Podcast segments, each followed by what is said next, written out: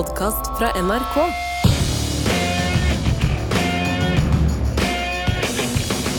Hei, alle sammen. Eh, Jeg heter Thomas, og jeg er avhengig av å lage podcaster om avhengighet.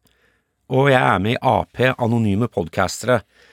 Hvorfor sier jeg det? Jo, for vi på Trygdekontoret har tidligere laget episoder om alkoholisme, pornoavhengighet, eh, narkoavhengighet, og nå sprekker jeg igjen og lager en ny en. Jeg håper jeg har en del medavhengige der ute som er avhengige av å høre på, så hvis alle nå roper score samtidig akkurat nå, så skal vi komme oss gjennom dette her. Skål. Dagens gjest har eh, lært mye om rus, både som elev på Livets harde skole, som det heter på Facebook, og på Livets myke skole, det vil si som akademiker. Han har nemlig vært avhengig av alkohol og fått behandling for det flere ganger, eh, men har også en doktorgrad i samfunnsvitenskap, er forskningsleder ved Rusklinikken på Universitetet i Nord-Norge, har skrevet boka Rus avhengighetens paradokser, som kom i 2021. Velkommen hit, tromsøværing, men opprinnelig østfolding, Trond Bjerke. Takk for det. Nå sa jeg, Trond, du har vært avhengig av alkohol. Ja. Er det riktig bruk av, er det riktig bøying av verbet her, eller er du avhengig av alkohol? Altså, eh, begrepet avhengighet er jo eh, Altså, når det er oppe til diskusjon, så, er det, så borger det for eh, misforståelser. For, mm. for det, og særlig også i faglig sammenheng. Fordi at det er så mange forskjellige forståelser og oppfatninger av, og fortolkninger av begrepet. Så, så, så ofte så opplever jeg at og særlig i faglig sammenheng, så, så kan folk forandre mening eller oppfatning av begrepet underveis i diskusjon. Og det er litt artig. Ja. Så jeg, jeg vet ikke Altså, jeg, eh, jeg karakteriserer meg sjøl som eh, alkoholiker i dag. Jeg er eh, Jeg kan ikke røre alkohol. Det har jeg prøvd mange ganger, Mhm. og det går rett vest. Det blir alkoholen som rører deg, for å si det sånn. Ja. Da er det full spiker i flere dager, og jeg klarer ikke å slutte. Eh, men så klarer jeg det likevel, fordi at jeg har eh, erfart det så mange ganger. Mm. Og at det er mulig å komme seg ut av det. Hvor lenge har du vært tørr nå? Eh, nå har jeg vært tørr i tre og et halvt år, vel. Ja. Så siste sprekken hadde jeg for tre og et halvt år siden. Ja. Og det som skjer når du sprekker, det er altså da Du kan ikke bare liksom spytte i glasset. Du Nei. må Det var noen som sa en gang at en alkoholiker er en som Altså, én drink er for mye, og 100 er ikke nok. Ja. Og det, det, stemmer for meg, da. Ja. Reagerer du veldig på hvis, du nå, hvis jeg nå liksom tvunget deg med en pistol, tvunget deg til å, til å, ta, en, til å ta en drink, ville, du, eh, ville kroppen din ville blitt full veldig fort? Eller har du veldig høy toleranse? Er det en Nei, jeg, jeg tror jeg ville blitt full utrolig fort. Jeg ville sjangla ut der. Mm. Eller dere måtte ha båret meg, kanskje. Fordi at kroppen har eh, vent seg til å ikke innta alkohol. Ja. Nå er- Null toleranse, rett og slett? Ja. Mm. Så når jeg da, hvis jeg da pøser på igjen, og det er også typisk når man sprekker Mm. jeg, jeg sier mann, da, men i hvert fall meg. Jeg kan snakke om meg sjøl. Jeg har hatt de sprekkene. Så går jeg rett tilbake til det samme forbruket som jeg hadde da jeg drakk på det verste. Det er ikke noen kurve. Nei, det er ikke noe kurve. Eller går rett opp. Det er ikke noen sånn opptrapping. Nei. Så det går, rett, det går liksom rett til værs. Mm. Og rett til blackout og sviminga, og så våkne, og så er det å drikke igjen, og så er det ja, full rulle, rett og slett. Tror du drikkemønsteret ditt, eller måten du reagerer på alkohol, er det nedfelt i liksom hard Altså i, i, i, nett, i, i nervesystemet ditt, altså i hjernen din? Tror jeg det er det som, derfor du kommer rett tilbake til det gamle mønsteret? Jeg, tror- jeg tror at det er en genetisk komponent. Det, det er jeg ganske sikker på. Eh, eh, altså Og det tenker jeg fordi at jeg har den voldsomme tenninga. Altså, når jeg først starter, så er det liksom det er full spiker, altså. Som, jeg, som jeg sa. Så, Ja. så jeg, jeg tenker at det er en genetisk komponent. Og jeg, hvis jeg analyserer slektstreet mitt, så er det ikke vanskelig å tenke seg at, eh, at det stemmer heller. For dette går i arv, Ja, det, det gjør det. det. Det gjør det også. det også. Ja. For det er også litt sa sammensatt. Det høres jo veldig kjedelig og akademisk å si, Ja. men det er jo veldig sammensatt, Det fordi det. Ja. det er jo noen onde sirkler, og det er jo noen selvbekreftende altså mønster som forsterker seg sjøl, osv. Ja. Både da kjemisk og sosialt, stemmer det? Jo. Jeg, jeg mener jo da at den eh, sosiale eller kulturelle komponenten trumfer den, eh, skal vi si eh, eh, Det som ligger nedfelt i genene, da. Mm. Eller, eller sårbarhet for å utvikle alkoholisme. Så tenker jeg at den sosiale, kulturelle komponenten er sterkere. Hvorfor det? Eh, Eller hvordan? Hvordan? Eh, jeg tenker, da, da er vi tilbake på selve begrepet avhengighet. Eh, jeg syns at en, en his, historisk, hvis man ser på begrepet avhengighet historisk, Mm. så ser man at det er brukt på veldig forskjellige måter opp gjennom, eh, opp gjennom tida. Eh, første gang det ble brukt, så det var i tida rundt Shakespeare, Mm. faktisk, på 1600-tallet. Og da blei det brukt eh, om all, alle typer avhengighet. Om det var skadelig eller ikke skadelig. Mm. Eh, og så, så er det ikke før på at, sånn cirka rundt 1850 at vi begynner å knytte begrepet til sykdom. Mm. Og da i form av eh, alkoholisme. Så begrepet alkoholisme det oppsto på 1850-tallet, og en svenske som eh, kom opp med det. Mm. Og så eh, Kom opp med det dagen derpå, si. Kom, ja, ja, ikke sant. Eh, eh, og så, eh, etter hvert, på 1900-tallet, et sted utpå der, så, så, får en så blir det knytta enda tettere opp mot sykdom, Mm. som en lidelse. Og det blir på en måte rusavhengighet blir sett på som prototypen for avhengighet. Mm. Så alle andre avhengigheter er sånn skal si, milde former, eller eh, Hvis man bruker avhengighet utenom rus, Mm. så er det mest som en metafor Ja. å regne. Avhengighet er jo et veldig svært ord. Eh, Hva er din definisjon av avhengighet? Ja, hvis jeg skulle driste meg til en, definisjon, så vil jeg si at det, er et grunnleggende menneskelig potensial som kommer til uttrykk. Og det har eh, haugevis av forskjellige uttrykk. Og så, er det, det er slående hvordan, hvordan avhengighet kan være helt fraværende i, i, i enkelte kulturer over flere hundre år. Mm. Og så plutselig så blomstrer det opp igjen. Mm.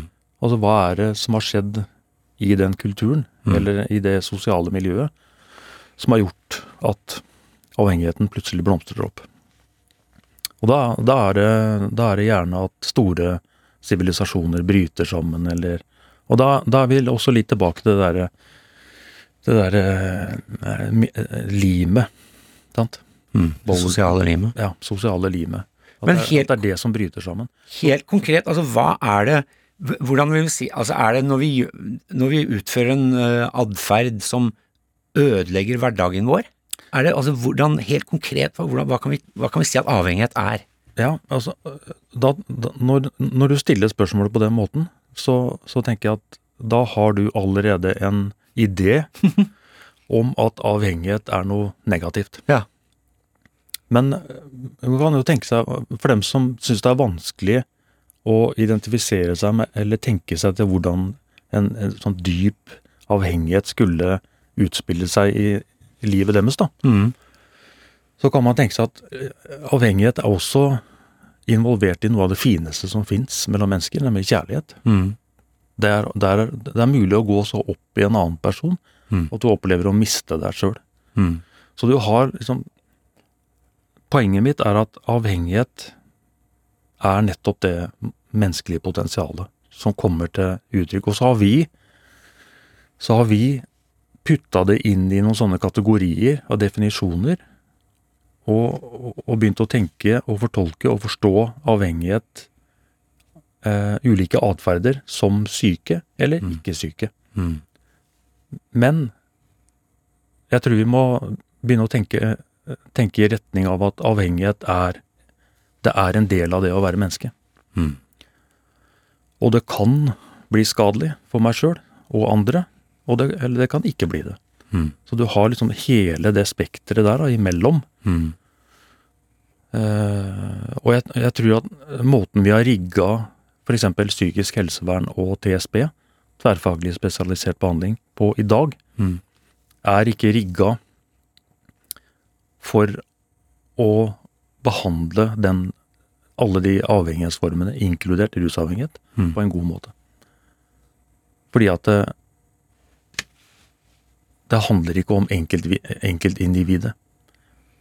Det er, vi tenker at avhengighet er knytta til enkeltindividet. Det utgår, eller er noe som hefter ved individet. Men så har det sitt utspring i sosiale relasjoner, i det kulturelle, i det sosiale. Så når vi snakker om Og så snakker vi om Ja, men det er viktig, den terapeutiske relasjonen er viktig, tenker vi. Men det vi ikke tenker på, er at når folk er innlagt, så er de på en måte i en sosial kuvøse. Mm. For de er jo En boble? i en boble. De er Mm. tatt ut av den naturlige habitaten. og så er de satt inn i en kunstig habitat, hvor, Mm. hvor det opereres med et språk som vi bare bruker innafor behandling, Mm. og som ikke brukes utafor behandling. Så det er helt merkelig. Mm. Så, så- sett alle de avhengighetsformene som har poppa opp de siste tiåra. Ja, det er shopaholic og workaholic Ja, det er, og det er noe enormt, vet du. Chockaholic. Ja. I sat på satirenettstedet i Onion så var det en som har skrevet kronikk. eh, Jeg, jeg er som en uh, mm. men for alkohol. Så jeg har snudd. Ja. på det. Altså, Ja, jeg, ja. Jeg vet at veldig mange er avhengig av å spise sjokis. Ja. Sånn, er, sånn er menn for alkohol. Ja, ja, ja. Veldig viktig, men det er veldig eh, egentlig sånn treffende. Ja. Så, så av, altså, eh, jeg tror fagfeltet kom i trøbbel når man begynte Når man, når man eh, adopterte avhengighetsbegrepet Mm. og brukte det på en lidelse. Mm. Og så har man gått bort fra det igjen i dag, da. Mm. I dag kaller man det for rusmiddellidelser. Sant? Oi. Man kaller det ikke avhengighet lenger, og da tror jeg man har skjønt nettopp det der. Mm. At avhengighet, det, det er noe som Altså, det er mer en sånn sosial-kulturell eh, sak, da, og, og, og som er nedfelt i mennesket som, eh, som sosialt vesen. Mm. Vi er avhengige av alle mann, Mm. er vi ikke det? Ja, altså avhengig av å puste og nyse og Ja, ja så er vi avhengige av eh, eh, sosiale relasjoner. mm. Vi er avhengig av andre. Men så har altså i, i, i det Når jeg kaller det moderne lidelser, så tenker jeg at det er, det er veldig fokus på individet. Mm. Altså det med selvutvikling. Man skal være så autonom som mulig. Mm. Selvdreven. Jeg skal ikke ha hjelp av andre. Jeg skal klare meg sjøl. Mm. Og det er eh, Det borger Det borger Altså, de en som heter Robert Putnam i USA. Han skrev en eh, bok som heter 'Bowling Alone'. Han har jeg møtt på Harvard. Mm. Har du det? Mm. Bowling Alone, Fantastisk, kjenner ja. ja. Som handler om hvordan liksom, samfunnslimet går i oppløsning. Ja. Spesielt til steder hvor det har vært industri, men hvor det ikke er det lenger. Altså Ja. mye av det man ser i det såkalte rustbeltet i USA. Ja, og akkurat i den boka der, 'Bowling Alone', så beskriver han hvordan sånn eh, nabolag hadde bowlingligaer, da. Mm. Hvor det møttes og ikke sant, det er Snakk om det limet. Mm. Og det er borte nå, så nå bowler folk aleine. Mm.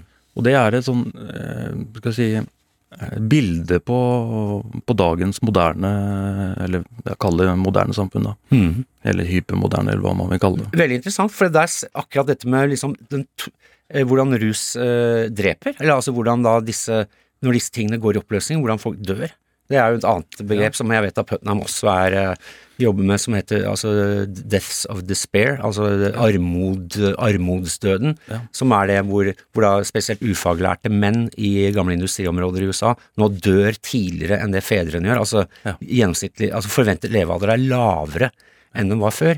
Og der ser du veldig mye rus, eh, såkalte livsstilssykdommer, Mm. eh, mye selvmord. Eh, og det er jo da på steder hvor da limet, samfunnet, har gått i oppløsning. Ja. Mm. Så, så i det bildet så er rusavhengighet bare, en liten, eh, bare et lite hjørne i en større avhengighetsproblematikk, da. Mm. Som, er, eh, som handler om eh, hvordan samfunnet har utvikla seg. Menneskeveven. Frie, ja. Menneskeveven. Menneskeveven, ja. Mm. Har smuldra. Har smuldra. Du, ehm, hvordan startet din eh, avhengighetskarriere? Jeg starta med alkohol. Jeg var eh, Altså, jeg bruker å si at ang, altså, angsten var der før jeg ble født, på en måte. Jeg ble født inn i angsten. Mm. Jeg kan ikke huske at jeg ikke har hatt angst. Og, ikke, og, jeg, og det er ikke sånn Mange kaller det angst, mens, mens de er bare kanskje litt, litt sånn engstelige eller redde eller eh, Men det var Gruer seg til noe, liksom? Ja. Ja. Men jeg hadde sosial angst. Mm. Helt fra starten av, altså. Jeg kan ikke huske Jeg husker jo så langt tilbake som fire, tre-fire år, kanskje. Og jeg var redd, altså. Og skikkelig eh, usikker. Mm. Og når jeg vokste opp, så hadde jeg på en måte Altså, når jeg vokste opp, så hadde jeg ikke noe, noe begrep på det. Nei. Sånn som jeg har i dag. I dag kan jeg se tilbake og, og sette, sette noen ord på det. Men jeg hadde jo ikke det da. Men jeg opplevde meg eh, akkurat som, som et tomt skall, da. Jeg, hadde, jeg hadde på en måte ikke noe indre liv. Jeg hadde ikke noe jeg. Så, så jeg blei en sånn kameleon som bare eh, lata som. Mm. Og jeg var veldig flink til å late som også. Mm. Så, eh, så ut av altså, Fasaden, den var, eh, den var fin. Mm. Eh, Men det var få som visste hvordan jeg egentlig hadde det. Jeg var fryktelig usikker Mm. og redd stort sett eh, hele tida. Så kom jeg, så kom jeg over alkoholen da, som 13-åring. Og det var livets vann med en gang. Altså, Jeg kjente det at her, dette her, det skal jeg investere i. Dette skal jeg bruke tid på. Og, og det liksom, Første gangen så drakk jeg jo eh, jeg svimte av. Ja. Og det burde fortalt meg at eh, dæven, Trond, det stoffet der må du være litt forsiktig med. Mm. Men det var snarere tvert imot. Det var nei, dæven, dette skal jeg gjøre om igjen. Ja. For det, var, det ga en sånn Fraværet av det tomme Fraværet av et indre liv, da, Mm. ble mindre påtagelig for meg. Det ble liksom til å leve med. Mm. Men jeg merka også at eh, jeg, jeg klarte ikke å drikke vekk den sosiale angsten. Den var der også når jeg drakk sammen med andre. Mm. Så jeg måtte drikke aleine for å få den fulle effekten. For da kunne jeg lage meg en eh, fantasiverden, Mm. som jeg beskriver i boka. da. Eh, kjøpte jeg meg en eh, leilighet når jeg var eh, 18 år. Og da fikk jeg min, mitt eget eh, teater, nesten. Så jeg drakk og spilte skuespill da, foran speilet. Ja. Og lata som jeg var en annen enn det jeg var, for jeg ville ikke være den jeg var. Nei. Jeg ville være en annen. Så, og, da, og alkoholen gjorde det mulig å, å skape den fantasiverdenen da, som, eh, som jeg hadde. Eh, Men så eskalerte det ganske fort, da. Så hadde jeg et, nei, to selvmordsforsøk når jeg var eh, 21 og 22. Eh, Den ene gangen så var jeg ganske nær å lykkes. Ja. Da husker jeg våkna på sofaen etter en sånn heidundrende Hadde fått i meg en sånn femliterskanne med hjemmebrent som jeg hadde kjøpt på, på et sånt byggeplass i Oslo. Ja. Så våkna jeg, og så, så klarte jeg ikke å røre på kroppen. Så jeg var helt lam. Og bare øya som Det var helt merkelig. Og så plutselig så e- eksploderte huet. Med sånt hvitt lys. Da tenkte jeg nå, nå dauer jeg, og det er like greit. Og så rungende farvel til hele faenskapen. Mm. Det var ikke noe brev eller noe sånn eh, 'takk for meg' eller eh. Og så, så var jeg ute og fløy, plutselig. Uten kropp. Bare, bare bevissthet. Og alt var bare deilig og behagelig. Mm. Men så plutselig så var jeg tilbake i sofaen igjen, og, så, og da satt jeg oppreist. Og, og, og da tenkte jeg Nei, dæven. Dette eh, det, Jeg må prøve litt til. Og da ringte jeg Sosialmedisinsk senter i Moss, da. Mm. Og så gikk veien derfra videre til eh, anonyme alkoholikere. Så det det var et sted hvor du ble lagt inn? Eh, nei. I Moss? Nei. Nei, jeg blei ikke lagt inn, faktisk. Hva gjorde de når du ringte? Nei, dem, eh, jeg blei satt foran en skjerm, da, hvor jeg, hvor jeg skulle se en, eh, en liten eh, filmsnutt om en alkoholiker som hadde drikket for mye og ja, møtt konsekvenser. Og så, så hensikten var jo at jeg skulle kjenne meg igjen, da. Ja. Og det gjorde jeg jo. Så men, og, og, og så hadde jeg et par sam, samtaler med psykolog der, og han så sa han eller Etter et par ganger så spurte jeg hva tror du som feiler meg, spurte jeg. Mm. Nei, du er, du er eh, åpenbart eh, alkoholiker eh, og rusavhengig. Og når, når det sank inn, når jeg gikk hjem den dagen der, så var jeg så lykkelig, tror jeg, som det var mulig å bli. Lettelse? Lettelse, men, men også det at jeg, jeg hadde fått en identitet. Sant? Ja. Han steike meg, jeg er jo skikkelig alkoholiker. Det er jo Ja. bedre enn ingenting. Ja. For jeg var, jeg følte meg som ingenting, da. Mm. Jeg var rett og slett helt eh, som en sånn virvelløst krypdyr, ikke sant. Ja. Så det å få en identitet, det var, eh, det var en stor lettelse. Ja. så men, men det tok jeg jo med meg da inn i den AA-sammenhengen også. Mhm. Så, så Og der Så det første året det var ikke nok for meg å være en, eh, en vanlig AA-fyr. Nei. Jeg måtte jo være en skikkelig en. Mhm. Ja, kanskje en av de beste også, som hadde vært noen gang. Ja. Så det var liksom ikke noe VM i VM i Ja. Ja. Mhm. Så det var ikke noe, det var ikke noen mellomting der heller. Nei.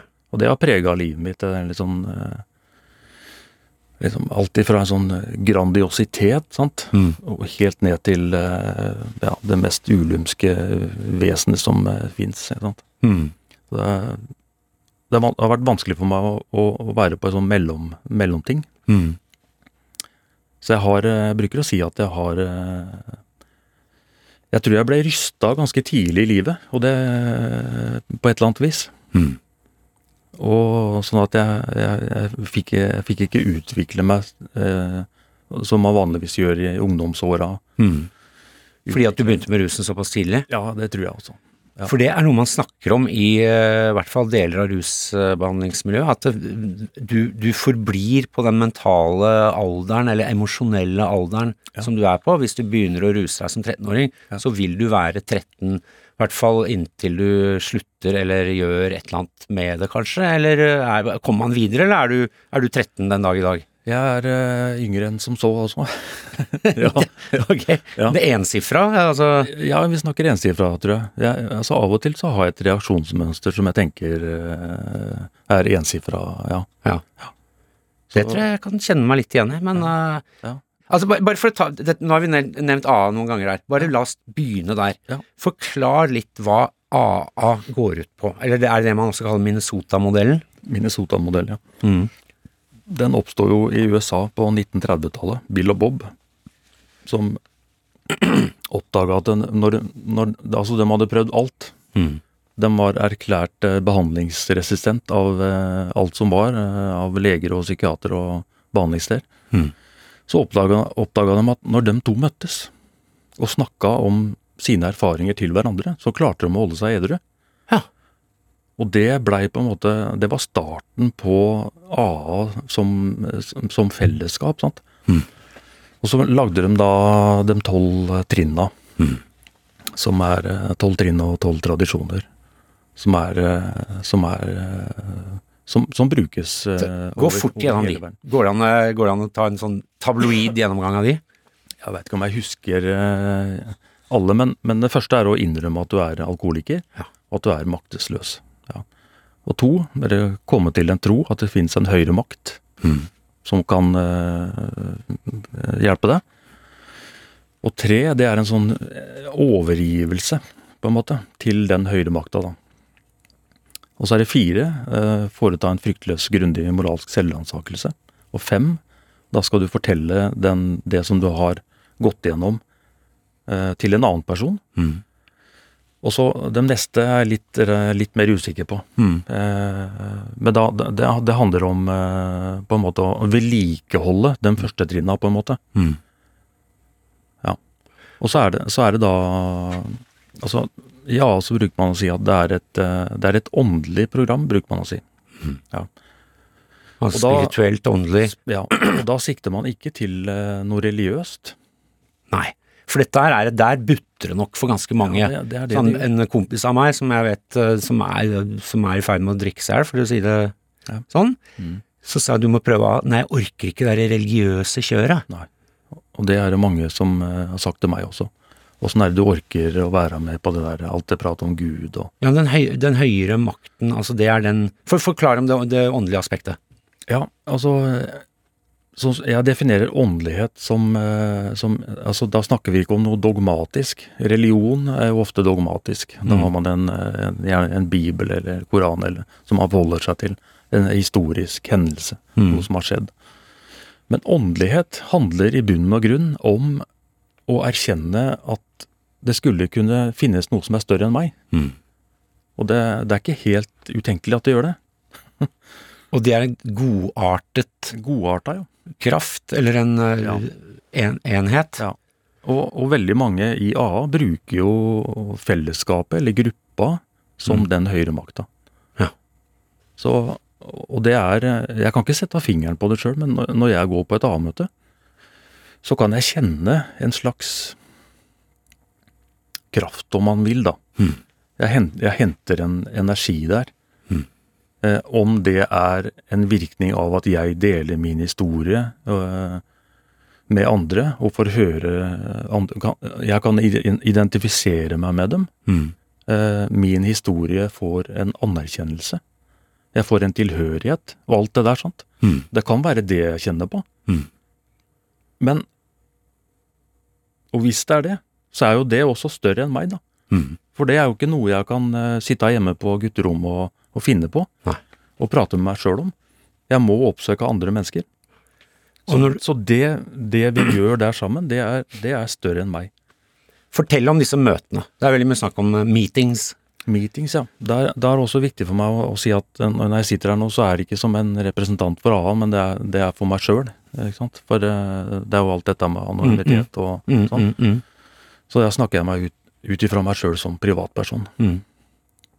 Eh, på møtene så, så er åpne bestandig med å lese opp en del. Og det, det, er, eh, det, er, det er ting som blir lest opp, som er felles for alle A-grupper i hele verden. Mm. Man kan, kan ha nyan, nyanser av forskjeller og sånn men det er veldig mye det samme. da. Lese trinnene for eksempel, og hvordan det virker og litt sånn. Og så gjerne en historie fra storboka. Storboka. Ja, Det er en, så det er en skrift her allikevel. Det er en, det er en liten bibel her òg. Ja, du kan si det sånn at det er en liten bibel her, ja. Eh, de fleste A-medlem kommer, eh, kommer ikke utenom eh, AA-storboka. Mm. Mm. men det er Det står ikke noe oppskrift, for så vidt, Mm. på hvordan man skal gjøre det. det og det, boka inneholder også fortellinger som, som man som leser eh, må hente ut det som, det som, eh, som er bra for meg, da. Mm. Eller ikke bra for meg. Mm. Så man kan jo tolke det på forskjellige eh, måter. Mm. Så det er, ikke, det er ikke sånn at når man kommer til A, så blir du fortalt ja, sånn må du gjøre, og du, du er sånn og sånn, og, Mm. og hvis du skal klare det, så må du gjøre sånn og sånn. Mm. Sånn er det ikke. Nei. Det er, eh, men tilbake til møtet. Når vi har lest, så, så begynner en delerunde. Og da er det viktig at den som deler, ikke blir avbrutt eller kommentert. Og det tror jeg faktisk er et viktig, en viktig ingrediens da, i den strukturen der. At du, at du ikke skal eh, få noe eh, tilbakemeldinger eller eh, sånn det du sa der. For det vil virke dømmende. Ja, ikke Altså man får vekk hele døm, dømmeelementet. Ja, man, ja. Så min, min historie, den, den eh, Jeg får fortelle den fritt, og den Mm. får også ligge der fritt. Mm. Sant? Så, men jeg, når jeg er på A-møte og, og forteller min historie, eh, gjerne kanskje etter en, at noen andre har fortalt sin, da, Mm. så merker jeg jo at altså min historie kommer Og jeg har fortalt den kanskje tusen ganger Mm. på A-møter, men hver gang så kommer den tilbake til meg på en ny måte. Jeg, kommer, jeg, kommer jeg kommer i dialog med min egen alkoholisme, min egen avhengighet. Og det er det, det er det jeg på en måte er avhengig av Ja. i dag. For vi er jo fortellingene om oss selv, Ja. og da, du, da får du gjort denne Du får utvikla fortellingen om deg selv. Ja. Ja. Det er fascinerende. Det er veldig fascinerende. Mm. Sånn at jeg blir ikke lei av å fortelle den. Altså, jeg forteller jo ikke akkurat samme historien hver gang, det er litt sånn forskjellige ting, men, men allikevel så, så, og, og da er vi tilbake til Går det an å modnes, spurte du i stad. Mm. Ja. Og jeg tror jeg modnes også gjennom Der fortellingen. Ja, Mm. jeg tror det. Fortellingen om deg selv, der modner du. Ja. Den modner. Fortelling, ja, Mm. fortellinga får lov til å utvikle seg. Og så, er det jo, så sitter jeg jo også og hører på mange av de samme fortellingene hver gang også. Mm. Eh, og da kan man jo også lure på Det må da være kjedelig å høre de samme folka hver gang. Mm. Nei, det er ikke det. Fordi at det, hver gang så er det et eller annet i historiene som, som treffer meg på nye måter. Mm. På andre måter. Som treffer meg på noe som kanskje er aktuelt eh, i dag, eller har vært det. Så- Gjenkjennelses... Uh, Ja, ikke sant? Er dette folk som du Du bor i Tromsø. Det, Du går på møter i Tromsø. Da er det i et forsamlingshus eller i eh, et klasserom, eller altså er, det er ganske anonyme omgivelser også. Ja, vi, vi er på noe som heter Kaffe X. Det er, okay. det er et eh, møtested for, eh, for aktive brukere. Ja. Så dere får låne lokalet her, og så sitter dere Er dette folk som du den, den anonyme delen er jo selvsagt Altså du reiser deg opp og så sier du jeg, jeg heter Trond, og jeg Er alkoholiker. Eller om du Ja. sitter Men er, det er folk, ser du disse folka ellers eh, rundt omkring når du er ute og farter på byen, eller på Ja, av og til så gjør jeg det. Ja, Mm. Er det folk du blir Er det knyttes det vennskap her? Ja, utenom møtelokalet? ja veldig, altså. Mm. Ja, man, kommer, man blir veldig tett. Eh, Jeg har jo litt kjennskap til dette systemet gjennom en min eh, familie som var i behandling for mange mange år siden, og jeg var med på familieuke. og Jeg har jo tenkt mye på dette. Det, var, det er jo veldig fascinerende, og det har jo fungert veldig godt for, for mitt, eh, for mitt eh, familiemedlem. Eh, Og eh, der er det noe som heter eh, sponsor Altså, det er en sånn fadderordning. Er det noe sånt? Ja, det Fortell om det der. Ja det, eh, sponsor er, er sånn merkelig, merkelig navn, ikke sant? Ja, Norsk Sponsorservice. Ja, God dag. Det, det kommer nok fra eh, USA, det begrepet der. Men, men, eh, men det handler om at det skal være et medlem som har noen år på baken da, Mm. i fellesskapet. Som kan være en slags eh, veileder, ja. Og en du kan ta kontakt med hvis det er noe du lurer på. Er det en du blir tildelt når du kommer dit for første gang og Nei, er ganske skjelven og Nei, det er, det er heller sånn at uh, man får lov til å gå på en del møter, og så blir man kjent med folk. Og så er det sånn at uh, hvis det er én person jeg føler meg litt mer trygg på, Mm. og kanskje har flere ting som jeg kjenner meg igjen i, Mm. så, så, spør, jeg, så spør jeg han om han vil være sponsor.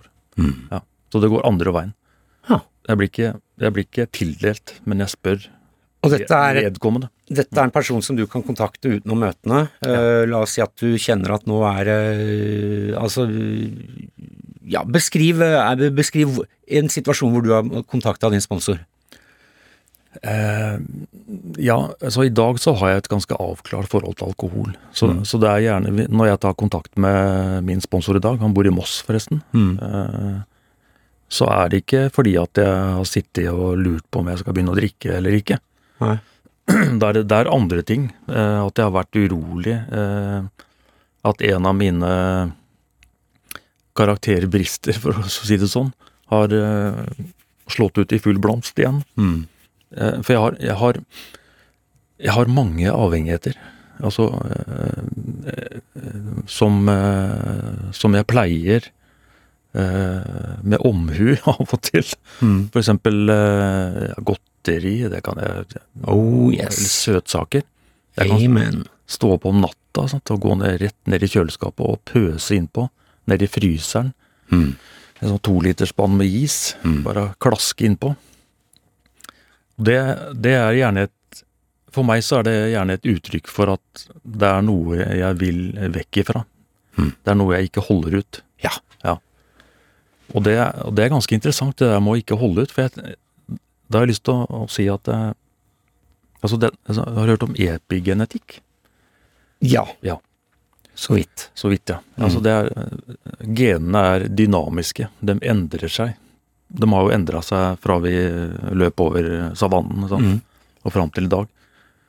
Og jeg, jeg tror at genene våre er under et sjeldent massivt press i dag i forhold til det de har vært for bare 100 år siden. På grunn av tilgjengelighet. På grunn av tilgjengelighet, ja. Av alt som trigger serotonin og dopamin, og altså alt fra skjermbruk til sukker til rus til Ja.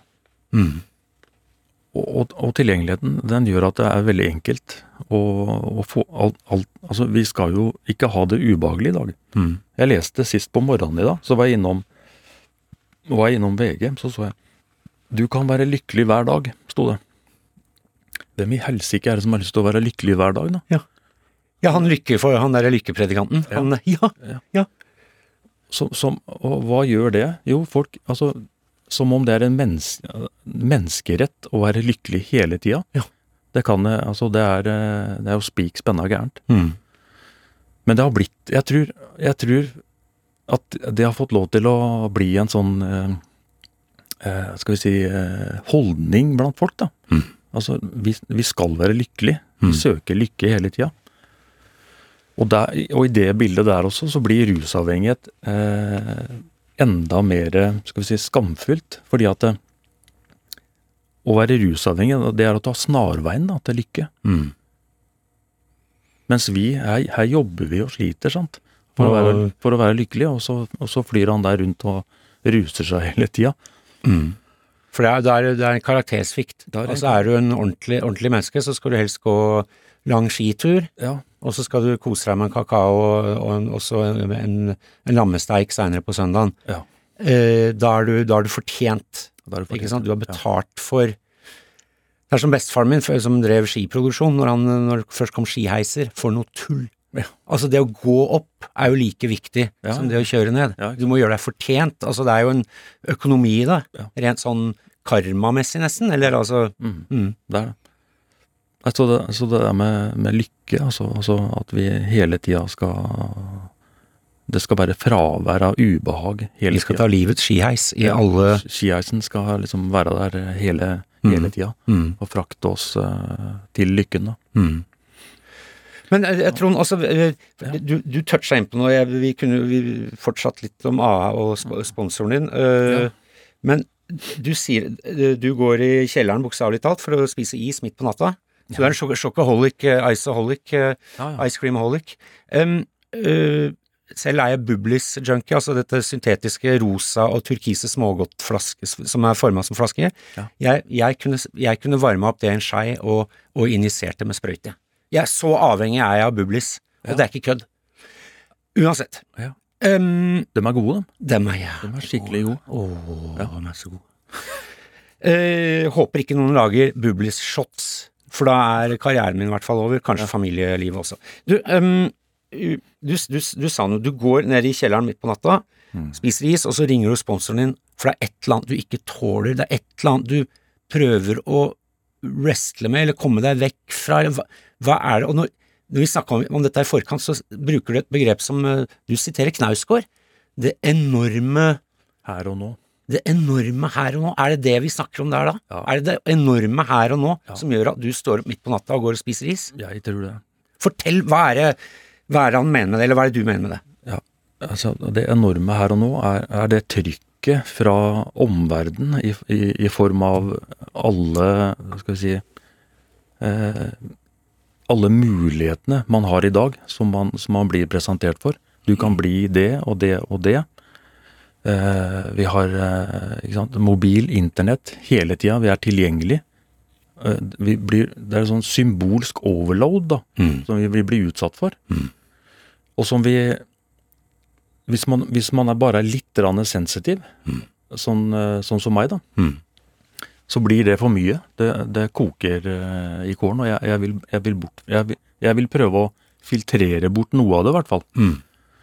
Og avhengighet i det bildet der er en fin måte å filtrere det bort på.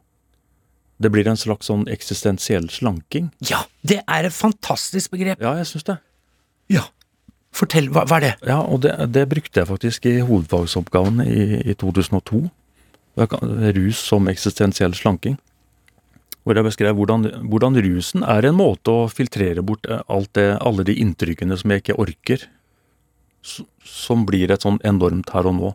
Øyeblikket blir for mye for meg. Vi utvikler anoreksi mot omverdenen. Ja. Vi, vi, vi, slutter å spise. Ja. Slutter å ta inn. Ja, slutter å ta inn igjen. Så, så ved, ved å fokusere på alkohol, Mm. sex, mat, spill, internett, telefon, hva det måtte være, så, så, så har du fokuset ditt på det, og ikke på alle de inntrykka. Mhm. Sånn at eh, så, altså Der har du den eksistensielle slankinga. Så når folk som har spise... Jeg tror det var Skårderud som eh, lanserte den eh, tanken der. Han brukte det på spiseforstyrrelser. Han sa at dem som slanker seg, Mm. de slanker ikke bare kroppen, men de slanker eksistensen også. Mm. Fordi at når jeg, når jeg drakk, eller rusa meg, så var jo hele livet mitt alt det, alt Jeg tenkte bare på alkohol. Og på den måten så lagde jeg en boble. Sant? Slipper å forholde deg til resten av uh, Resten av verden. De kan bare uh, Mm. Ja. Så derfor, når man, mi- når man forminsker forminsker, eksistensen, forminsker da, Det er for å slippe egentlig Eksistens er, er, er smerte. Er Ja. smertefullt. Ja. Eh, fryser tida, som du sa på et annet tidligere program her. Ja, det jeg tenker jeg ofte brukte- på. Jeg tror du brukte det uttrykket. Mm. Ja. At rus, man ruser seg for å fryse tida. For da har du kontroll. Altså, da i hvert fall følelsen av en form for kontroll. Det er bare her og nå som gjelder. Og nå skal jeg drikke meg dritings.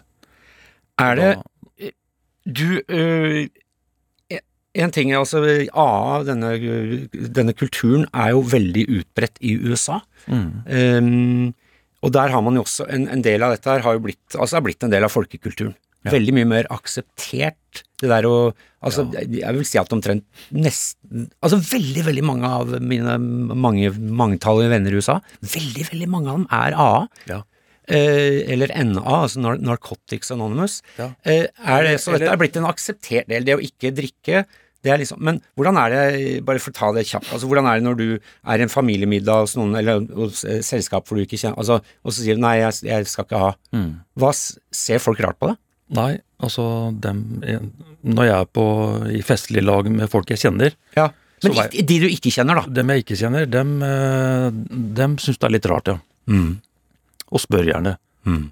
Hvorfor skal ikke du eh, ha noe, eller eh, Ja, nei, nei, må du ta deg en, ta deg en drink, da. Ta Ja. et glass vin, i hvert fall. Drikk da, for faen! Ja, ta deg sammen, da. Så når de er blitt fulle, så prøver de å Du er en ganske kraftig type, men de kommer som sånn og Ja, og ja. rurer. «Drikk, Nå skal du faen meg drikke! Ja. Ja. Ja. Nei, da bruker jeg å si at jeg Nei, ellers takk, jeg har eh, drikkekvota mi. Så ja, og da, da, da De tar hintet. De tar hint, ja. Mm. Så, men, men det er ikke noe problem for meg å, å være ute blant folk eh, og se at folk drikker eller lukter eller hva det måtte være. For det, det er ikke det som trigger meg. Mm. Og, jeg, det er, og da kan vi begynne, da kan vi snakke om sprekk. Altså folk som sier at ja, plutselig så satt jeg der med ølen i hånda, Ja. eller spritflaska. Ja. Plutselig så var den der, gitt. Eller eh, det var en som ga meg en tjall plutselig. Mm. For du har sprekket noen ganger. Jeg har sprekket noen ganger. Hvorfor sprekker du? Hva er det som skjer? Ja, eh, da tror jeg Da tror jeg tror at det er sånn at da har jeg gjerne slutta å, å gå på møter, og da har jeg slutta å komme og være i den dialogen, For nå er jeg ferdig med dette. for nå er jeg ferdig med dette. Jeg kan jeg Og da er huet mitt satt sammen sånn at da begynner den kjapt med sånne Ja, men var det så gærent, da? Det var, en halvliter kan da ikke skade? Mhm. Og da, fravær av den dialogen da, så blir jeg et lett bytte for meg sjøl, altså. mm. Og det er de- derfor de- man må fortsette å gå på møter, ikke sant? Ja, det er derfor jeg fortsetter å gå på møter. Så, så jeg tenker at en sprekk starter ikke når, eh, starter ikke når du er på en pub og plutselig sitter der med en øl i hånda. Den starter lang tid i forveien. Når du begynner med unnskyldningene, du begynner med Ja, Du lager, sånn mentalt, du lager et mentalt kart fram til puben. ja, Mm. akkurat det. Så det, sprekken starter eh, lenge før. Mm. Før han eh, kommer til uttrykk, for å si det sånn. Mm. Ja. Hvor lenge har du vært eh, i AA nå? Jeg var 24 da jeg kom inn i A. Mm. Var ganske ung, da. Mm. Og i dag er jeg 57. Kom inn i 1990. Hvor ofte går du på disse møtene? Jeg prøver å få til én gang i uka. Eh, når jeg er i Tromsø, så er mandag min faste dag. Når jeg er ute og reiser, så går jeg på møter eh, på de stedene hvor jeg er. eh, og det, de aller fleste store byer i Norge har A-møter, mm. også mindre steder. Mm. Så det er alltid et A-møte i, i nærheten. Så jeg, en gang i uka, det er min, eh, det er min greie. Gikk du oftere tidligere i prosessen din? Ja, jeg gjorde det. Da gikk jeg på det som var. Mm. Da, var jeg ikke, da hadde jeg ikke jobb, jeg hadde ikke familie, så jeg var jo helt fri. Ja. Så da, da blei liksom den AA-møtet og fellesskapet og alt det der blei liksom en livsstil, da. Ja. Jeg gikk helt inn i det, på en mm. måte. Eh, og det tror jeg var nødvendig mm. i den perioden der. For å, for, å, for å kjenne på den der tilhørighet ja, og identifiseringa og Så det, det var viktig. Mm. Men etter hvert så, så har det ikke vært så Så jeg trenger ikke tre-fire møter i uka lenger nå, Nei. tenker jeg. Og det er ikke alltid jeg klarer en gang i uka heller, men jeg, jeg prøver å få til det. Ja. Så vi snakker Altså, har forholdet det, den Hvordan folk møter deg ute når du sier at du ikke drikker, og du sier at jeg, jeg har drukket min kvote. Har det endra seg? Har det blitt mer aksept for det å ikke drikke i, i, i norsk kultur i løpet av disse 40 åra? Jeg tror ikke det. Nei. Nei. Det er på stedet hvil. Ja, det er på stedet hvil. Ja. For jeg hører så mange historier om folk Mm. som, eh, som har vært i festlig lag, og kanskje de har kjørt, eller de har ikke lyst til å drikke, rett og slett. Og som møter så mye motbør, da. Altså, de møter både den der Og blir holdt i men liksom ja. Tvinger. Ja, eller, ja, eller fryse. Det blir ubehagelig, rett og slett. Ja. Og ikke drikke. Tenk på det. Så jeg tror ikke vi har kommet eh, et spøtt av gårde på gjelder, Og ikke når det gjelder skam heller. Nei. At det er skamfullt å være rusavhengig alkoholiker. For det er så nært knytta til det å ikke ha kontroll. Mm. Og, og det, det er Jeg tror at det er en sånn underliggende norm i dag. Vi, skal, vi skal ha kontroll. Det For da er du både liksom tufs og farlig, Ja. og altså det er bare Det er ganske mye sånn negative Ja, det ting vil- knytta til det å da bli oppfatta at man ikke har kontroll. Ja, og, vi, og liksom, når man vis, utviser mangel på kontroll, Mm. så er det litt, så tegn på at du er liksom, du er svak, på en måte. Mm. Svak viljestyrke, eller eh, hva det måtte være. Som sagt, dette er jo veldig Dette er jo blitt en del av folkekulturen i USA, eh, og en del av dette her handler jo da også om inter, interventions, intervensjoner, altså når, når en, de som er rundt en som, eh, som drikker eller ruser seg eller gjør andre, selv, selska, andre former for selvskading, så vet du hva, nå vi må ha en intervention, og så samler man eh, familien og kompisene, og så sitter man på et rom, og så er det noen som går og liksom Det er nesten som overraskelsesfest, men med litt negativ eh, Det er ikke alltid at eh, burs, bursdagsbarnet, for å si det sånn, blir så fornøyd. Vi skal høre et klipp som jeg mener er et av de største klippene fra nyere tid, altså fra film, filmens historie. Det er fra TV-serien Sopranos, hvor da min favoritt Christopher Moltisanti, denne unge gutten i, i miljøet der, han blir jo heroinist. Blant annet så, og så sovner han da, eller eh, han nodder ut oppå den lille bikkja til dama si. Den dør, og da er det liksom ok, nå må vi ha intervention. Eh, hør på dette her. Christopher, this won't be easy for any of us. But I want you to know that we're here today because we care about you. What was this, your idea? All we ask is that you listen. Adriana, you want to be in?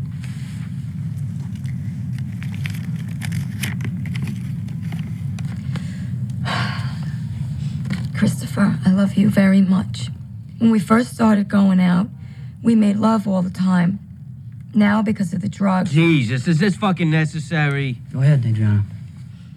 you can no longer function as a man. Last week, when I came home to learn that you had killed our dog, that was the final straw. Oh. You killed the dog. What'd you do that for? It was an accident. What was it, barking? He sat on the while he was high. Oh, Jesus Christ. I fell asleep. She got suffocated or something. How could you not see it on the chair? You're getting emotional, Tony. That's because I know what it's like to lose a pet. Paul, you want to read your statement? I don't write nothing down. So I'll keep this short and sweet. You're weak, you're out of control, and you become an embarrassment to yourself and everybody else. Oh, listen Guys, to you. guys, whoa, whoa, whoa, whoa. We said non-judgmental. Fuck that. Let him take his medicine. Seriously, Paul, you want to talk about fucking up? You want to talk about self-control? How about you, Sil? Fucking every slut you got working in the place when you got a wife and kids at home? Guys, guys, whoa, whoa. Christopher! Or you, Paulie? Yeah, remember last winter in the woods with the Russian guy? Christopher, I am fucking warning you. There he goes, Mr. Type A personality. We are here to talk about you killing yourself with drugs, not my fucking personality. That's right. I'm gonna kill myself? The way you fucking are, you're gonna have a heart attack by the time you're 50. Oh, Holy, sit down. You're talking to the boss here. Good, maybe someone will smack some goddamn sense into him! Great, my own mother. Fuck you, you fucking whore.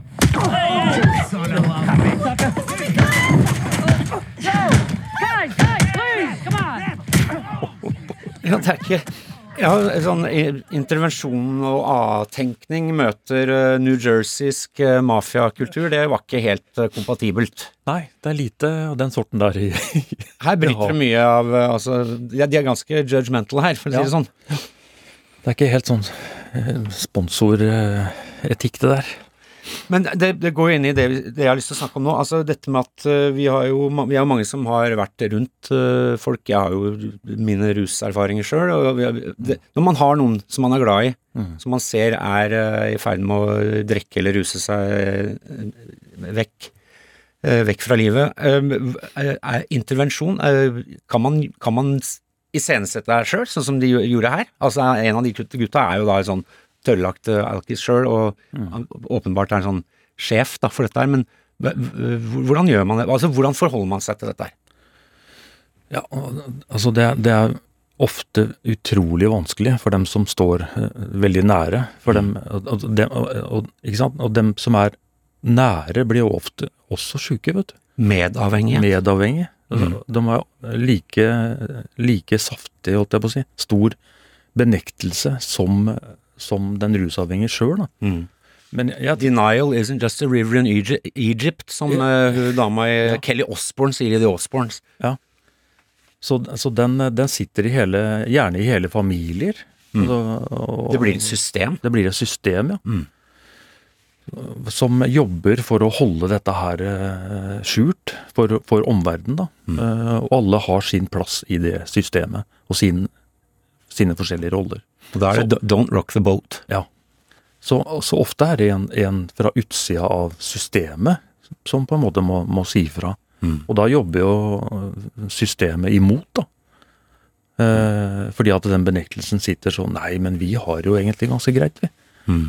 Så, men men jeg, jeg tror at i den, hvis man er i, i stand til å uttrykke en bekymring, så tror jeg det er eh, veien eh, å gå, da. Ikke, kanskje ikke i like stor grad som i det kløppet vi hørte. Nei. Man trenger ikke å banke opp folk. Men, eh, men altså, si fra, ytre at det, det som skjer, er bekymrer meg. Det, det er ubehagelig. Eh, og så videre. Sånn at eh, konsekvensene kommer. Mm. At den det gjelder, den som ruser seg, får møte noen konsekvenser. Mm. Så at det jeg gjør, har innvirkning på andre. Dette, denne innsikten, man snakker vel også om at altså man må jo ville dette sjøl. Ja. Ikke sant? Og det, hvordan er det man får det? Jo, mange sier at det, var når jeg møtte liksom virkelig havna på steingrunn, helt på bånn. Mm. Da fikk jeg da et sånt øyeblikk av øh, innsikt. Ja. Er det, det er noen sånne kritiske øyeblikk som gjør at folk bestemmer seg for å, for å snu skuta? Ja, jeg er ikke så veldig glad i det uttrykket personlig bunn heller. For Nei. det, det er liksom alltid Det er alltid et nivå under der igjen. Det er alltid en kjeller under kjelleren under kjelleren. Ja, det er, det er akkurat sånn. Det er i hvert fall sånn jeg har opplevd det. Mm. Når jeg trodde jeg var i kjelleren, Mm. så var det flere etasjer under. Du var i penthousen, du. Jeg var i penthousen, jeg. Men det å møte, altså dette her med å få et øyeblikk hvor man ser at man må snu. Ja. Ja, og det er veldig forskjellig, forskjellig hva mennesker opplever som sin eh, Kall det personlig bunn, da. Eh, altså, og så er det grader, eh, grader av konsekvenser. Noen tar det ganske tidlig. Så det er nok med at de får en, eh, får en bekymringsmelding, så er det nok til at, eh, at de slutter. Mens andre må drekke seg fra hus og hjem og alt som er.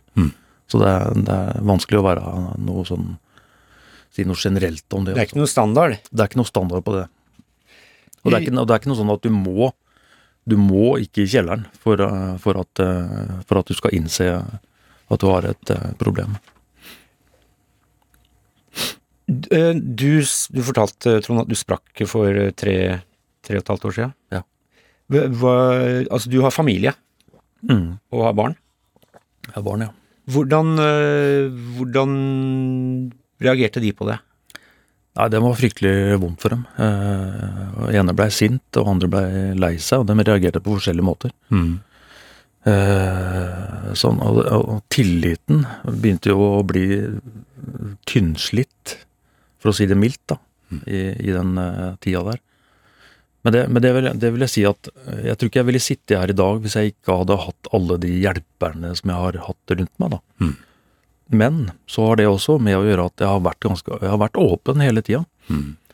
Helt fra første stund så var jeg åpen eh, om at jeg har et eh, problem. Og det ikke bare familien, men til venner, kolleger. Sånn at jeg har, eh, Jeg har, jeg har en liste med hjelpere som vi har kunnet bruke, og som kona mi også har kunnet bruke da, når jeg har havna utpå. Jeg har blitt henta på de mest utrolige steder. Hvor folk rundt omkring i landet har plukka meg opp. da. Hvor, hvor, Flydd for å hente meg og hvor er du eh, for Nei, Nå må du bjude deg på lite grann. Vi må være litt uh, Ja. Ja, hvis, ta en uh, sånn uh, Tour of Norway.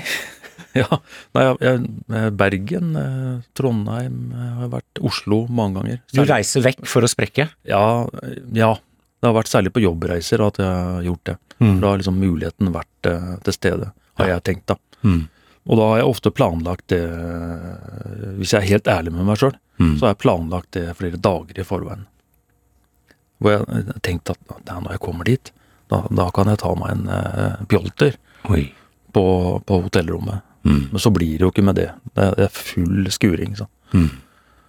Og så må så, uh, Så har kona mi Når jeg, jeg slutter å svare på tekstmeldinger og, og sånn, da, da skjønner du at det nå er Mm. Da er det utrykning. Mm. Så da har vi gode venner eh, rundt omkring eh, som har eh, hent plukka meg opp og kjørt meg dit jeg har trengt å dra. Og, Mm. Så Drikker kona di? nei, det Nei. er veldig lite. Mm. Det var ikke behov for det. Så Så det er ikke sånn nærvær i, i heimen av flasker eller Nei. nei. Er det, Hvordan forklarer du dette her til barna dine? Ja, det har vært veldig vanskelig. Mm. Eh, men, men nå har jeg hatt dem med på A-møtet, faktisk. Mm. For det er jo noe som heter åpent møte. Ja. Sånn at dem også har fått eh, innblikk i hva jeg, hva jeg driver med der, da. Mm. Og så har de fått høre andre som forteller om det samme. Sånn at dem, det er ikke bare jeg som kjenner meg igjen, men unga mine kjenner igjen min atferd hos andre. Mm. Og dermed så er det, er det ikke bare pappa som er uh, spenna gæren. Mm. Dette er, eh, dette er et eh, større problem for mange. Og eh, jeg, har forklart så langt det er mulig. I alle år har jeg forsøkt å ha en åpen dialog med dem, da, og det, tror jeg har vært bra. En ting jeg tenker på med AA, den Minnesota-modellen og den erkjennelsesgreia som ligger i bånn der, at man skal erkjenne at man er? Man er alkoholiker selv om man ikke har rørt en dråpe på 40 år. Ja. Det virker som motintuitivt, tenker jeg, for det er sånn, hæ? Hvis du, hvis du anerkjenner, liksom bare går rundt og sier til deg sjøl ja, 'jeg er alkoholiker', jeg er, liksom, blir ikke terskelen lavere da, for å bare gå ned på puben og så kaste inn håndkleet og begynne å drikke? Nei, Nei? nå er det tvert imot. Ja. Så, og så er det, når man bruker begrepet erkjennelse jeg altså, Erkjennelse det er ikke noe man gjør en gang for alle. Hadde, for da hadde det vært veldig enkelt. Mm. Da kunne jeg gått på et A-møte og så kunne jeg, jeg erkjenner at jeg er alkoholiker. Eh, Det, det er noe jeg må på en måte Jeg må pleie, jeg må holde ved like, den erkjennelsen der. Mm. For det er faktisk sånn at jeg, jeg er alkoholiker, da. Jeg, det er ikke plagsomt for meg å, å, å, å kalle meg sjøl for det. Mm. Jeg syns ikke det. Jeg, jeg syns heller at vi Vi burde prate mer om det, Mm. og høyere, Mm. om nettopp det. Hvorfor skal det være så skamfullt eller forferdelig å kalle, kalle seg for alkoholiker? Mm. Det er jo fordi at det er, begrepet er behefta med så mye fordommer og, og sånn. Altså, når man hører begrepet, så ser man for seg hvordan en sånn typisk alkoholiker ser ut. Men når hvis man Jeg har vært på A-møter rundt omkring i hele Norge, og der sitter representanter fra, fra hele Hele den norske blomsterbuketten. ja, sitter, sitter der. Så ja. Så det, vi tenker at eh, en alkoholiker, han er han som eh, ligger på, ute på gata, eller Mm. Nå, nå, nå veit vi litt mer enn det. Mm. Men allikevel så, så tror jeg så, eh, Det er gamle spøkelser som ikke klarer å hvile, på en Mm. måte. De gamle bildene, gamle Ja, de her, altså. forestillingene. Ja, de ligger der ennå. Mm. Jeg tror det. Men du tror der er, er det er kanskje i ferd med å endre seg, eller er det, er det på stedet hvil der òg? Jeg tror at det er eh, på stedet hvil enda, ja. Altså. Mm, mm. Jeg tror det. Ja. Vi liker å, å tro at vi har kommet langt Mm. i forhold til liksom, Du ser kjendiser som står fram som alkoholikere og sånn. Mm. Men da og at, og at det skal ha hjelpa den vanlige folk til Ja. oss å stå Jeg, jeg, deler med på, jeg vil dele den historien så jeg kan hjelpe andre. Ja. Og så har jeg en ny plate som kommer på mandag. Ja, ikke sant? ja. Da får det gjerne et sånn romantisk skjær over seg, som om Ja. det er et sånn utslag av en sånn kunstnerisk sjel. sant? Du er opptatt av dette her. Ja. At det er noen myter om eh, for, forholdet mellom alkohol og kreativitet, blant annet. ja. Og det er jo, altså Historien er jo full av eh, sånne kunstnerisk anlagte folk som har brukt eh, rusmidler. Og som, som har prøvd for å at, tenkt at eh, hvis jeg, jeg kan drikke meg til eh, hva er det var et flott begrep på det en gang, men sånn, eh, det er en sånn metafysisk portal, på en måte. ja. Som man eh, kan entre, da, Ja. hvis man ruser seg. Ja. Så da, da skriver jeg bedre, jeg skriver bedre musikk, ikke sant? men så viser det seg at det er jo stikk motsatt. Mm. Jeg skulle sjøl gjøre det når jeg skulle skrive boka. Da skulle jeg dra på hytta, og så tok jeg med masse bøker. Mm. Så skulle jeg skrive, og så hadde jeg med meg drikkevarer. Det var den siste gangen jeg sprakk. Ja, For tre og et halvt år siden. Ja, ja. Jeg skal på hytta, nå blir jeg der en uke, nå skal jeg skrive. Så var det Etter en uke så var det all, all work and no play makes Jack a dull boy. Var det, var det fra Ondskapens hotell? Var det sånn 500 sider med samme setningen? Nei, det var ingenting. Det var, jeg fikk ikke skrevet en bokstav engang. Nei. For jeg skulle bare, jeg skulle, jeg skulle drikke meg litt sånn salongberusa, da, tenkte jeg. Ja. Og bare ja, hele uka. Og kose meg.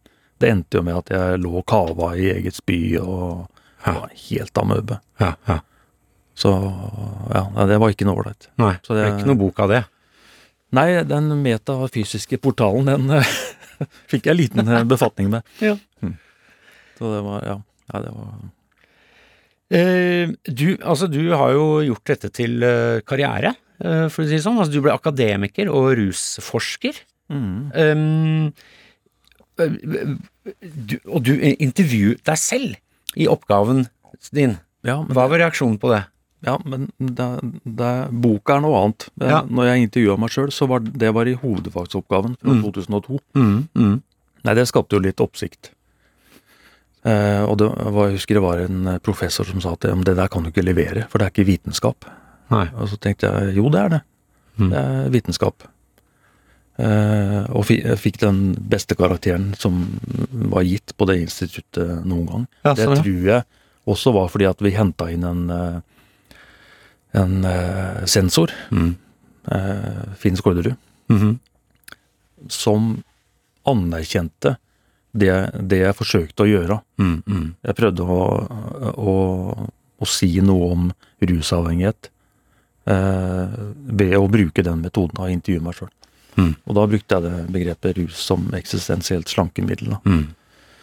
Og brukte skjønnlig, masse skjønnlitteratur for å Og skjønnlitteratur, vet du, det er fantastiske greier. Mm. Ofte bedre enn fag, fagbøker. Ja, ikke sant, Det fordi forteller meg noe annet. Det, ja.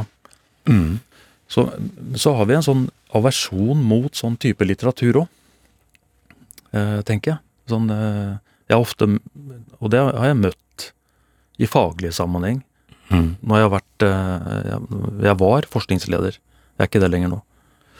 Nå er jeg fullt ansatt på VID vitenskapelig høgskole oppe i, oppe eh, hugget her. Okay. Men når jeg var det, så, så når jeg var forskningsleder, Mm. og jeg skulle ha en eller annen forelesning, og jeg brukte mine egne erfaringer som rusavhengig, så møtte jeg ofte folk etterpå som sa at ja, men du må, du må skille litt på rollene. Du må, altså, Hvilken hatt du har på deg? hvilken hatt jeg har på. Ja. Hvorfor skal jeg det? Altså, hva er liksom rasjonalen bak det? Mm. Hvorfor skal jeg ikke kunne snakke om mine egne erfaringer Mm. når jeg er, har forskningslederhatten på meg? Mm. Og, eller motsatt Mm. også. Eh, Altså, bak det der så ligger, det, ligger det noen fordommer. Og sånn, eh, sånn knytta til konformitet. Mm. Må ikke skape kluss i, i vekslinga her. Nei. Det er eh, Ja. Du, eh, å lete i seg selv etter svar på livets store mysterier er det jo mange som gjør, og en som har lett veldig lenge etter svar, er Trygdebeistet. Ja, du veit det, vet du, Trond, at eh, jeg har også forska på meg sjøl og min egen rusbruk, og jeg har funnet ut at jeg, ifølge både kvinneguiden.no og YouTube og dagbladet.no, ikke minst, også drikker for å fylle et tomrom. Og det tomrommet heter på latin ventriculus, som på norsk betyr magan. Men det tomrommet blir aldri fullt uansett hvor mye jeg gønner på, og jeg gønner på mye når jeg først setter i gang. Ja, ventriculus eh, skal fylles. Eh, Trond Bjerke, hvis det er noen som hører på nå som enten har eh, rusavhengig i livet sitt, eller er avhengig selv, hvor starter man? Man starter med å, å Altså når man, har, når man har begynt å kjenne på at dette her, dette her begynner å bli slitsomt. Det er, vel, det er vondt. Mm. Man, eh, og gjerne har man da kommet til et stadie hvor rusmiddelet ikke virker lenger. Mm. Det har ikke den eh, behagelige Og det var sånn det var for meg. At jeg oppdaga at rusen slutta å virke sånn som jeg ville at han skulle virke. Den varmen du først kjente på, Ja, den, også, og- den avtok? Ja, og den evnen til å, å, å late som om jeg var en annen en, den mm. forsvant også. Og når jeg, hvis man da øh, det, og Alt ser håpløst ut, øh, og det virker som at det ikke er noen vei ut, Som ta, det må Da må man rekke ut en hånd til en annen person Mm. og si at nå sliter jeg. Jeg, jeg veit ikke hva jeg skal gjøre. Aner ikke. Jeg drikker, og jeg veit ikke hvorfor jeg ikke klarer å slutte. Men den eneste måten å komme ut av det på, det er å være åpen om det, og snakke om det. Hvem er det man skal henvende seg til da? Nei, da gjerne en person i, i, som man føler seg trygg på, da. Mm. Og det kan være hvem som helst. Mm. Det trenger ikke å være et eh, familiemedlem. Det kan være en venn eller en eller annen man har blitt kjent med. Men det, det er den eneste måten. Hvordan kommer man seg inn i eh, et behandlingsløp eh, tilsvarende det du har vært gjennom? Ja, den veien din, den er dessverre litt sånn krukkete krokete i Norge i dag. Eh, Man blir ofte satt på ventelister om å vente lenge. Mm. Så når man, eh, når man er eh, klar for behandling, da, Mm. og er Ta noen ventepils, da, som vi sier når vi griller. Det, det, er, det er kanskje ikke så gunstig. Nei, ikke sant? Det er det som er litt trist, altså. Mm. Så det er ikke noen lette veier inn i Men ofte så går det via fastlegen, som da henviser videre. Men kan man, kan man ikke bare gå og finne ut om det er et A-møte i nærheten? Altså bare gå rett på møtet? Jo, Det kan man. Mm. Det er eh, Hvis man er i stand til det, så, er, så vil jeg anbefale det på det sterkeste. Det jeg gjøre. Er det skummelt? Ja, det er veldig skummelt. Mm. Men er det farlig? Nei. Jeg, jeg husker mitt første A-møte. Da var jeg Jeg var så redd at jeg mista språket, Mm. rett og slett. Det han Jon Fosse snakka om det når han eh, hadde sin tale, sånn eh, Nobeltale. Ja. Fortalte om eh, at redselen gjorde at jeg mista språket. Sånn. Ja. Han, ble, han skulle ble bedt om å lese høyt for klassen når han var på barneskolealder. Ja. Og da ofte så løp han ut, da. Han måtte løpe ut, for han fikk sånn panikkangst. Og det var det jeg kjente på på mitt første A-møte. Så Mm. jeg, ble, jeg ble stilt et spørsmål, jeg husker ikke hva det var, men eh, Og så var det sånn at det ikke Turen var kommet til meg. Nå skulle jeg eh, si at hei, Nå skulle du dele? nå skulle jeg dele. Mm. Jeg klarte ikke å si noen ting. Jeg var så redd. Jeg satt og skalv og hoppa på stolen. Hva skjedde da? Nei, det, jeg, jeg gikk bare videre. Ja. Og så, Det var ikke noen folk som liksom Oi, se på han, da. Så jeg, jeg, jeg fikk ikke følelsen av at den atferden, eller redselen min, blei eh, dømt på noen måte. Mm. Så, snarere tvert imot. Så begynte dem som snakka etter meg, sa da at ja, men jeg kjenner meg så godt igjen. Mm. Sant? Og det, da, gjorde- det gjorde jo at jeg slapp ned skuldrene. Du fikk det- bekreftelse på Ja. mm. Så jeg tenker at eh, det er, det er helt greit å være livredd eh, når man går inn på et A-møte, men det er ikke farlig, som du sier. Mm. Det er uh, veldig ålreite folk, folk der, og man blir møtt på en veldig ålreit måte. Trond Bjerke, veldig veldig fint at du kom og, og delte, som det heter på A-språket. Uh, nå sa jo etternavnet ditt, da, det er jo ikke helt ifølge kutymen der, men uh, lykke til videre. Jo, takk. Og så fra god tur opp til mørke Tromsø igjen. Takk for det. Takk til dere som hørte på. Takk til dere som er med å lage Trygdekontoret, nemlig um, Sista Soldier Martinsen Vettre, Nark uh, Markolio Reinertsen og uh, JC Østerberg. Jeg heter Thomas Seltzer. Vi høres neste uke. Inntil da har du bare én ting å gjøre, nemlig å stay trygda.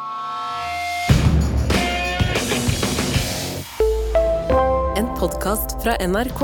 Det du trenger, er en ukentlig humorpodkast som tar humor på alvor. Og nyheter på enda alvorere. Vi gir deg det gøyeste om det siste, og det siste om det gøyeste. Det siste om det gøyeste? Det gir mening hvis du ikke tenker på det. Satire. Harselas. Drøyt, men innafor. Hør Desken brenner i appen NRK Radio.